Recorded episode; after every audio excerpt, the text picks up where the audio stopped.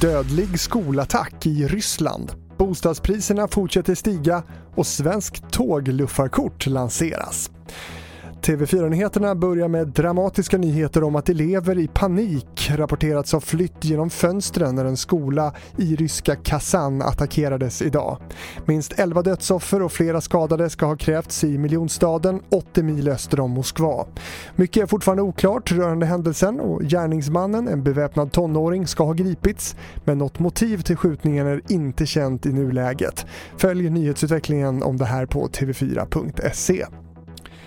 Bostadspriserna fortsätter att stiga i landet och framförallt i storstäderna och det gör att många unga har svårt att ta sig in på marknaden med dagens amorteringskrav.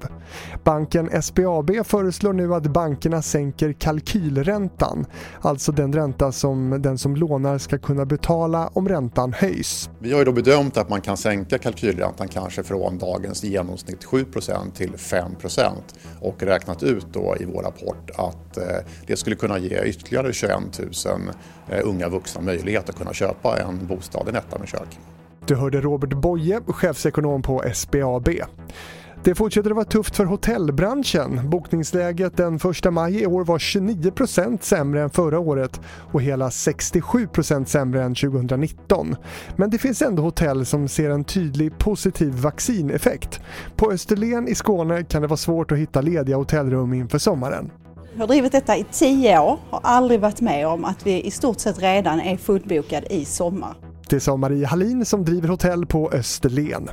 Och för den som planerar att semestra hemma i Sverige i sommar så lanserar SJ nu ett tågluffarkort. Med det kommer man kunna resa obegränsat inom Sverige i upp till 30 dagar och förhoppningen är att även vissa utländska destinationer kommer att ingå i kortet. Och det var TV4 Nyheterna med mig Fredrik Rahlstrand.